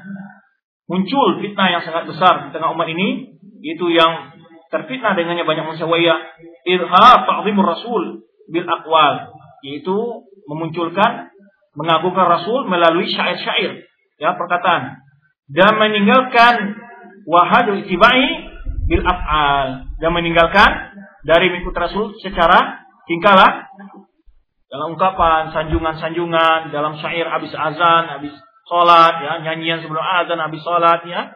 Itu kan bil akwal ta'zim bil akwal. Tapi tidak melakukan dengan afal. Ya hanya dalam ucapan-ucapan saja mereka menyanjung Rasulullah SAW namun dalam tindakan sehari-hari mereka tidak menyanjung Rasulullah Sallallahu Alaihi Wasallam. Fakhalafu amr Rasul, mereka melanggar perintah Rasulullah SAW dan kata ashabil kiram demikian pula jalan yang ditempuh oleh para sahabatnya para rasyidin dan orang-orang setelah mereka. Ilm anna min usul mutasawwifa wa alamatihim ha nasr hadith dha'ifa wal mawdu'ah wal qasas kharrafiyah. Ketahuilah salah satu ciri atau salah satu dari usul apa usul maksudnya dasar-dasar ajaran sufi dan ciri-ciri mereka adalah menebarkan hadis-hadis dhaif dan hadis-hadis maudhu dan kisah-kisah khurafat. Ciri khusus orang-orang sufi. Dan beramal dengan hadis-hadis maudhu dan hadis-hadis yang palsu tersebut atau hadis dhaif tersebut. Wa min usulim tasyi hadis maudhu'ah bil Di antara uh, dasar mazhab mereka juga adalah mensohhikan hadis maudhu berdasarkan mimpi-mimpi atau kash. Kash itu maksudnya adalah dia katanya melihat apa yang ada di belakang hijab. Ya, wal manamat. Jadi hadis ini sahih oleh Rasulullah dalam mimpi ketika saya bertemu Rasulullah dalam mimpi. Wa amar bi ajli wasawis wal ahlam. Kemudian menjadikan mimpi-mimpi sebagai dasar untuk mengamalkan ajaran-ajaran agama. Wasufia fi khitabihim wa ma'adhim la takadu tasma' minhum haditsan sahihan. Orang-orang sufi, jika engkau perhatikan, ya, di dalam ceramah-ceramahnya, di dalam khutbah-khutbahnya, hampir-hampir engkau tidak mendengar dari mereka tentang hadis sahih. Ya, kebanyakan hadis-hadis dhaif atau mau maudhu. Wa idza ma'aradu hadisan sahihan, apabila mereka ingin menyebutkan hadis sahih, wa hadza nadirun. Itu sangat jarang sekali. Fa innahum imma yabtaru yubtirunahu nahu au la. Jadi kalau ingin menyebutkan hadis sahih, itu sangat jarang sekali. Imma tidak hafal atau memotong-motong hadis sahih itu atau dia tidak hafal atau lebih dari mahali atau menjadikan hujah hadis sahih itu bukan pada tem tempatnya. Wa inna ma i'timadum ala hadis mahzuba dan pegang yang jadi pegangan mereka adalah berpegang pada hadis-hadis maudhu dan hadis-hadis dhaif. Wal gharaib, hadis-hadis yang ganjil, hadis-hadis gharib wal khurafat, cerita-cerita bohong, ya, cerita-cerita khurafat. Wa tawsifiha li taswil qawaid fasid dan kemudian menjadikan itu menyebarkan hadis-hadis palsu itu, hadis-hadis dhaif itu ya ataupun kisah-kisah palsu, kisah-kisah khurafat itu untuk membenarkan keyakinan-keyakinan yang sesat dan berbentuk kesyirikan serta bid'ah. Itu kerja mereka. Wa adkhala ulaika mutasawwim min ahadits maktubah wal mawdu' ma yakadu yuhsa an qillati ilmin wa jahlin bil hadis. Ya, orang-orang mutasawwif orang-orang ini telah memasukkan hadis-hadis dhaif dan hadis-hadis maudhu yang tidak mungkin dihitung jumlahnya. Ya, karena kurangnya ilmu dan pengetahuan mereka dan kebodohan mereka dengan hadis yang sahih. Au ani imma karena kurang ilmu mereka atau karena sengaja mereka ingin menyampaikan hadis-hadis dhaif itu Wa asya'at bin nas man hatta hajar sunan sahihah. Akibatnya segala tersebarnya hadis-hadis dhaif di tengah-tengah manusia sehingga manusia meninggalkan hadis-hadis sahih dan sunnah-sunnah yang sahih. Dan mereka menjauhkan ada mengikuti hadis-hadis yang dhaif. Wahum ya mu'tarifuna bi an la ya'rifuna hadis wa makharijahu. Mereka mengaku bahwa mereka bukanlah orang yang tahu tentang hadis dan juga tidak mengenal tentang takhrisnya atau makhraj di mana tempatnya. Dan juga tidak bisa membedakan mana yang sahih dan mana yang ya yang dhaif. Wa man nadha bi kutubil qaum, barang siapa yang coba-coba membaca kitab suci, ya, wajah dari kejalian akan mendapati hal ini akan terbukti oleh dia dan sangat jelas. Cuma ambillah salah satu kitab sufi nanti akan penuh dengan hadis-hadis dhaif. Khasatan inna ma tajara al-ba'd ala ta'lif kutub al-mawal. Khususnya Orang yang berani menulis tentang fadilah-fadilah mau maulid. Ya. Semua wadal hadis ala Rasulullah SAW ta'yidan lidalik. Dia mereka membuat hadis-hadis palsu untuk membenarkan maulid tersebut. Ya. Yaqulu Abdullah Gumari, ahli kibar sufiyah muasirin.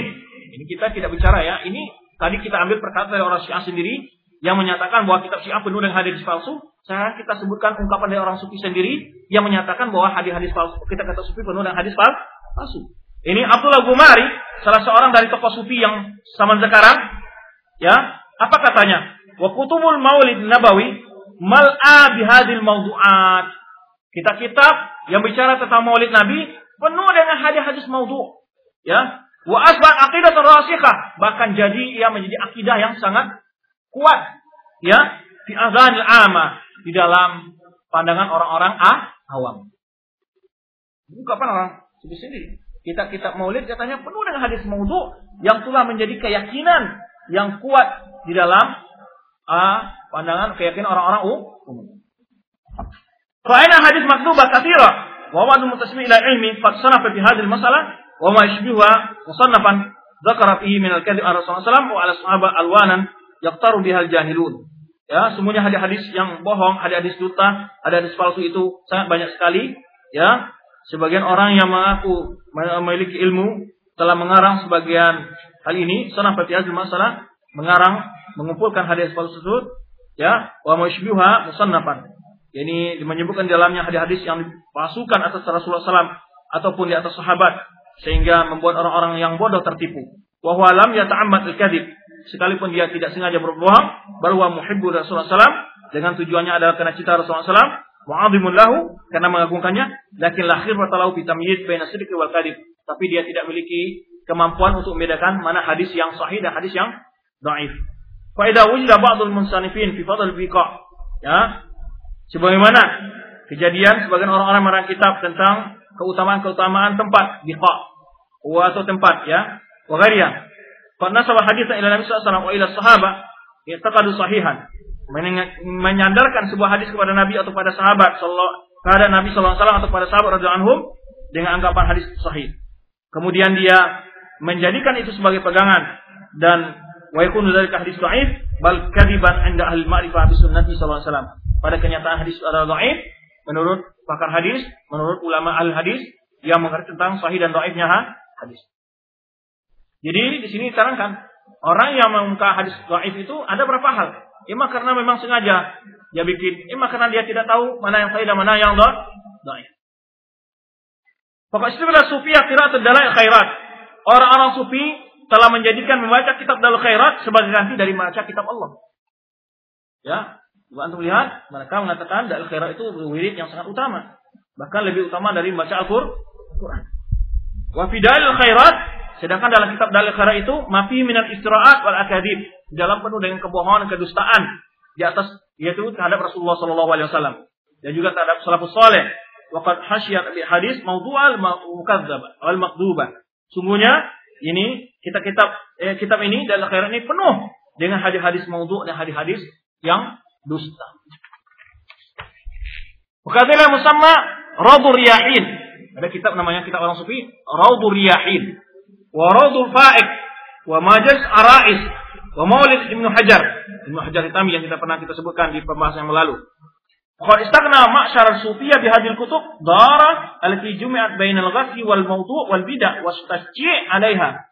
Sehingga orang-orang sufi telah cukup pede dengan kitab-kitab ini saja, meninggal kitab-kitab hadis yang sahih dan dan kitab yang penuh dengan isi, penuh dengan hadis mawdu' ini mereka bahkan mendorong orang untuk membaca kitab-kitab ini dan meletakkan keutamaan-keutamaan dalam membaca kitab tersebut. Ya. Dengan membuat hadis-hadis palsu. Wa taraku kutubul hadis mu'tamadah dan mereka meninggalkan kitab-kitab hadis yang mu'tamad yang valid dalam pandangan ulama ahlu sunnah seperti sahihain, Sahih Bukhari Muslim, Sunan, Sunan Abu Daud, Sunan Nasai, Tirmizi dan Ibnu Majah dan kitab-kitab sunnah lainnya. Wal Muwatta, wal Musnad, wa ghairiha min Islam dan kitab-kitab lain dari kumpulan-kumpulan hadis-hadis Rasulullah SAW. Ya, mereka mengambil kitab-kitab yang penuh dengan hadis maudhu dan meninggalkan hadis-hadis yang sah, sahih. Falhazar akhir muslim, maka hati-hatilah wahai saudara kaum muslim dari membaca kitab-kitab yang penuh dengan racun kebohongan, ya, atau membelinya, apalagi untuk membelinya.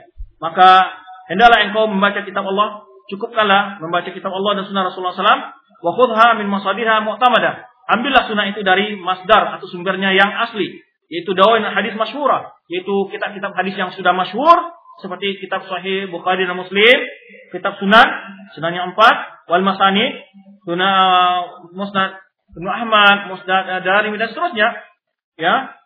Wal Musannafat, Musannaf Ibnu Razak, Musannaf uh, Ibnu Abi Syaibah, wal Muwatta'at, seperti Muwatta' Imam Ahmad dari ya, dari kitab-kitab hadis yang diakui oleh para ulama hadisin. Fa inna tughnika an kulli kutub masmumah. Sungguhnya buku-buku itu atau kitab-kitab tersebut ya telah cukup ya bagi engkau daripada kitab-kitab yang penuh dengan racun yang di dalamnya. Di antara kitab yang manfaat adalah yaitu Jala wa Afan fi Salam ala Khairil Anam. Ini kitab Ibnu Qayyim, Ibnu Qayyim rahimahullah wal Adkar karena Imam Nawawi, Wariyadus Salihin karena Imam Nawawi, kemudian Al-Kalamut Tayyib li Ibnu Taimiyah rahimahullah jami'an.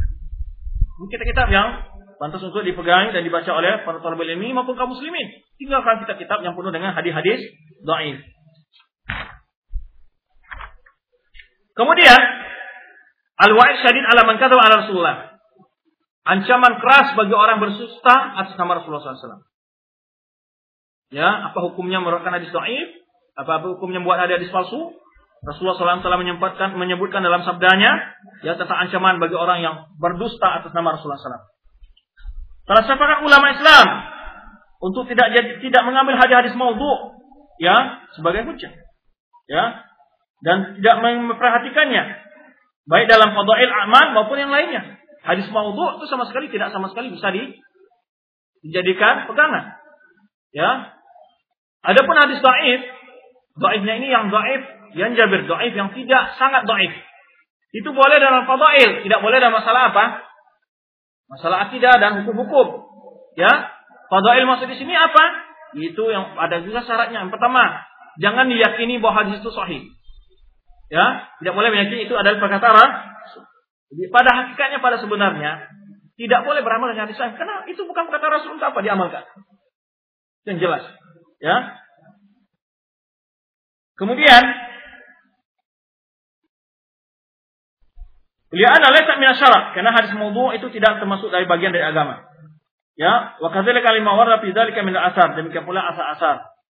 Yaitu hadis sahabat yang lainnya. Karena Allah Subhanahu wa taala mengatakan, "Wala taqum laysa laka bi'ilm." Ini larangan. Jangan engkau melakukan suatu engkau yang tidak memiliki ilmu tentangnya. Ya, karena akan diminta pertanggungjawaban nanti.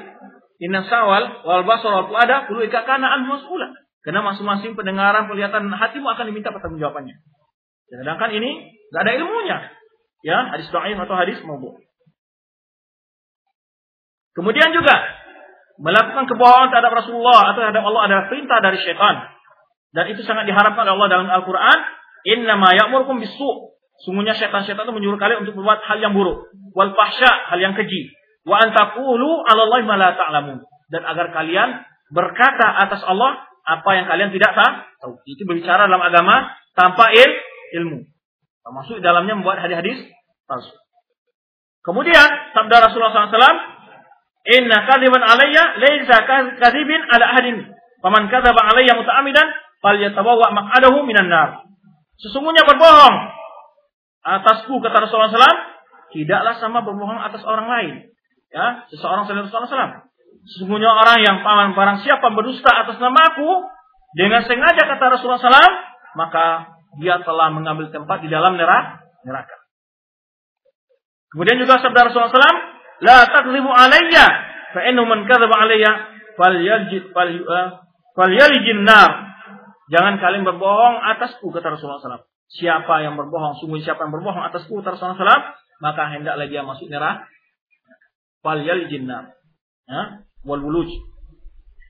Dan ulama telah memberikan peringatan keras terhadap orang-orang membuat hadis palsu atau meriwayatkan hadis palsu. Waqala Syafi'i, Muslim mengatakan, "Idza kana hadis indaka kadziban, ya, haddatsa bihi fa anta ahadul kadzibain." Ya, ahadul kadzibin atau ahadul kadzibain. Apabila engkau ya tahu sebuah hadis itu adalah bohong, lalu engkau sampaikan hadis itu juga, maka kamu adalah termasuk orang-orang yang berbohong. berbohong. Kawalan Nawawi berkata Imam Nawawi rahimahullah, tahrumu riwayat hadis al-maudhu. Diharamkan meriwayatkan hadis maudhu alaman arafa. Orang siapa yang tak yang tahu. Ya. Kaunuhu maudhu'an. Itu barang siapa yang tahu bahwa itu adalah hadis mau haram hukumnya. Jadi, au ghaliba ala atau ini menurut sangkaannya yang dominan adalah boh, enggak boleh diriwayatkan. Ayat menurut zani ala wad'ihi. Atau menurut sangkaannya atau e, perkiraan terbesar dalam dirinya adalah hadis maudhu maka diharamkan meriwayatkannya. Para hadisan ulima alima an au dhanna wad'ahu barang siapa meriwayatkan sebuah hadis dia tahu atau dia menyangka bahwa hadis itu hadis maudhu wala yubain hal riwayah wad'ihi dan dia tidak menjelaskan bahwa itu adalah hadis maudhu bahwa dakhil fi hadzal wa'id maka dia telah termasuk dalam ancaman yang disebutkan dalam hadis Rasulullah SAW fal yatabawwa maq'adahu minan nar. Maka sungguh dia telah mengambil tempat di dalam neraka. Mundarijun fi jumlatil kazibin. Dia telah masuk ke dalam kelompok orang-orang yang berdusta terhadap Rasulullah SAW. Allah Rasulullah SAW. Wadu alaihi hadis. Sebenarnya ditunjukkan oleh hadis yang sebelumnya. Ya, dan juga hadis Rasulullah SAW menyebutkan dalam hadisnya, dan itu hadis yang diwakilkan dalam Sahih Muslim. Ini man haddatsa anni. Ini atau hadis yang diwakilkan uh, sebutkan Nawawi di sini man hadatsa ani bi hadisin yura annahu kadzibun wa huwa ahadul kadzibin. Barang siapa meriwayatkan hadis dariku dan dia kira hadis ini adalah hadis apa? Hadis mau maudhu, maka dia apabila meriwayatkan tetap padahal dia sudah menyangka hadis ini ada hadis yang tidak sahih, lalu tetap diriwayatkan maka dia termasuk orang-orang yang berbohong kata Rasulullah. Berkata pula Syekh Abu Muhammad Al-Juwaini, Asy-Syafi'i, Juwaini ini, salah seorang ulama Syafi'i juga, Yakfur man ta'abad al-kadhib ala Rasulullah. Sungguh kafirlah orang-orang membuat bohong atas Rasulullah. Walam yastahil, walau lam yastahilhu. Sekalipun dia tidak menghalalkan boh, bohong tersebut. Nah. Wa jumhur ala anahu la yakfur bidzalik. Tapi secara umum jumhur kaum muslimin mengatakan dia tidak kafir, uh, ulama muslimin. Walakinahu yafsuku wa turaddu riwayatu, tapi dia adalah dianggap fasik dan ditolak riwayat-riwayatnya seluruhnya. Wa yabtul istijad di jami'iha dan tidak boleh jadikan hujah dalam seluruh uh, hadis-hadisnya. Fakaitur minal bidah, kebanyakan bid'ah-bid'ah yang muncul adalah berdasar kepada hadis-hadis yang dhaif atau pada hadis-hadis yang maudhu. Kaladin istara'u azkaran atau adian khasa li ba'd syuhur. Semana orang-orang yang membikin-bikin zikir-zikir tertentu atau doa-doa tertentu pada waktu-waktu tertentu atau bulan-bulan tertentu ya, mengkhususkan sebagian bulan dengan puasa atau umroh atau mer, memberikan keluasan terhadap keluar, keluarga pada hari Asyura, memakai celak pada hari Asyura dan lainnya. Ya, ini adalah bid'ah-bid'ah yang muncul akibat dari hadis-hadis doa dan hadis-hadis mau maudhu yang tersebar di kaum muslimin. Wa man ila bid'ain muta'ammidan ala hadis maudhu' mu'tamidan ala hadis maudhu'. Barang siapa yang mengajak kepada bid'ah berdasarkan hadis maudhu' dan dia tahu sendiri bahwa hadis itu adalah maudhu', maka ini adalah termasuk dari ashabil hawa al-muttabi'ina li mutasyabi. Ini adalah orang-orang yang hawa nafsu, ya. Al-qasidah hadam Islam, orang yang ingin menghancurkan Islam dan memerangi orang Islam sendiri dari dalam. Ya, dia tahu hadis maudhu' lalu di diajak orang untuk mengamalkannya. Wa tashwish 'ala nas dan ingin membuat manusia kacau dalam beragama, ya. Mutakhidnya fi dzalika asalim mukanna'ah. Jadi ingin membuat cara-cara yang meyakinkan. Wa min sama tarkuhum lisunan sumal wajibat. Sehingga nanti kalau tersebar hadis maudhu, bid'ah-bid'ah yang lain di hadis maudhu dan hadis dhaif ini, akibatnya apa? Mulai beransur-ansur manusia meninggalkan sunnah, kemudian meninggalkan hal-hal yang wajib. Ya, Muktafina bima ahdatsa min hadil bid'ah. Mereka merasa cukup dengan bermacam bid'ah yang dilah. Wa mara'a hadis maqbuba ala sallallahu bahwa syarikun min ila min man ikhtalaqaha bil kadhib. Barang siapa mereka hadis maudhu, ya, hadis yang didustakan atas nama Rasulullah SAW, maka dia telah termasuk orang-orang yang membuat dusta atas Rasulullah SAW. Yaitu mana Rasulullah SAW menyebutkan dalam sabdanya, "Man haddatsa anni bi haditsin yura annahu kadhibun wa huwa adul kadhibin." Barang siapa yang meriwayatkan dariku sebuah hadis yang disangka hadis itu adalah atau dilihat hadis itu adalah hadis bohong, hadis dusta, hadis palsu, maka dia adalah orang-orang yang termasuk orang-orang yang berdus, berdusta atas Rasulullah SAW.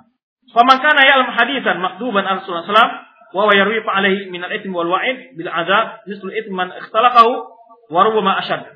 Barang siapa yang meriwayatkan hadis dhaif dan dia tahu bahwa hadis itu adalah dusta ya nama Rasulullah SAW lalu tetap meriwayatkannya, maka dia akan berdosa dan akan diancam dengan azab yang disebutkan Rasulullah SAW dalam hadisnya tadi dan bahkan mungkin dia lebih besar azabnya. Karena dia sudah tahu dan sengaja lagi meriwayatkannya ya. Tidak tersebab nasr batil karena dia telah salah satu orang yang menyebarkan kebatilan dan menolak kebenaran. Fama balu kaliman yu'alif kutub apalagi orang yang mengarang kitab yang sengaja mengumpulkan hadis-hadis mau Bagaimana kalau orang yang menulis kitab ya iddati admina wa ruma ila qiyamis sa'ah. Apalagi seandainya kitab yang dikarang penuh hadis-hadis maudhu, itu bukan hanya orang yang mendengar saja. Setiap sampai ada kitabnya berapa generasi orang mengamalkan kesesatan dan bid'ah yang dilakukannya itu, ini menanggung dosa selalu dia. Wahya tahmil ahadith maktuba ala Rasulullah SAW. Yang mana buku itu atau kitab tersebut mengandung hadis-hadis maudhu atas Rasulullah SAW. Bagaimana pula kalau orang ini yu'asul biha umur syirk wa kharafah. Dan lebih parah lagi, orang yang melakukan kesyirikan dan kurafat berdasarkan hadis mau. Ya, telah kita sebutkan di antara hadis maudhu ya sebelumnya meyakini bahwa Rasulullah diciptakan dari nur, makhluk diciptakan karena nur Rasulullah SAW diciptakan dari nur Rasulullah SAW semuanya. Famin huna ta'lam khatar jasim. Dari sini engkau ketahui bagaimana bahaya yang sangat besar yang dilakukan oleh orang Syiah dan Rafidhah atau orang Sufi ketika mereka melakukan ya uh, men, me, menyandarkan ajaran-ajaran mereka kepada hadis-hadis mau maudhu yang dibikin atas nama Rasulullah SAW. Ya, wa ala kulli labudda min bayan hadis maktuba mimman yadhkuruha wa ila fahuwa ghashil ummah. Oleh sebab itu, barang siapa ya mencoba harus menjalankan eh, oleh itu di sini labudda mestilah kita menjalankan hadis-hadis maudhu kepada umat ya agar umat ini tidak tertipu ya agar dijauhkan dari berbagai bentuk bid'ah dan kesesatan-kesesatan yang timbul oleh hadis maudhu. Barangkali kita cukup sampai di sini dulu pembahasan kita kali ini. Insyaallah kita lanjut pembahasan berikutnya adalah yaitu membela Rasul tetapi dia membenci keluarga Rasulullah sallallahu alaihi wasallam. Saya cukup sampai ini subhanakallah wa bihamdika asyhadu an la ilaha illa anta astaghfiruka wa atubu ilaik. Wassalamualaikum warahmatullahi wabarakatuh.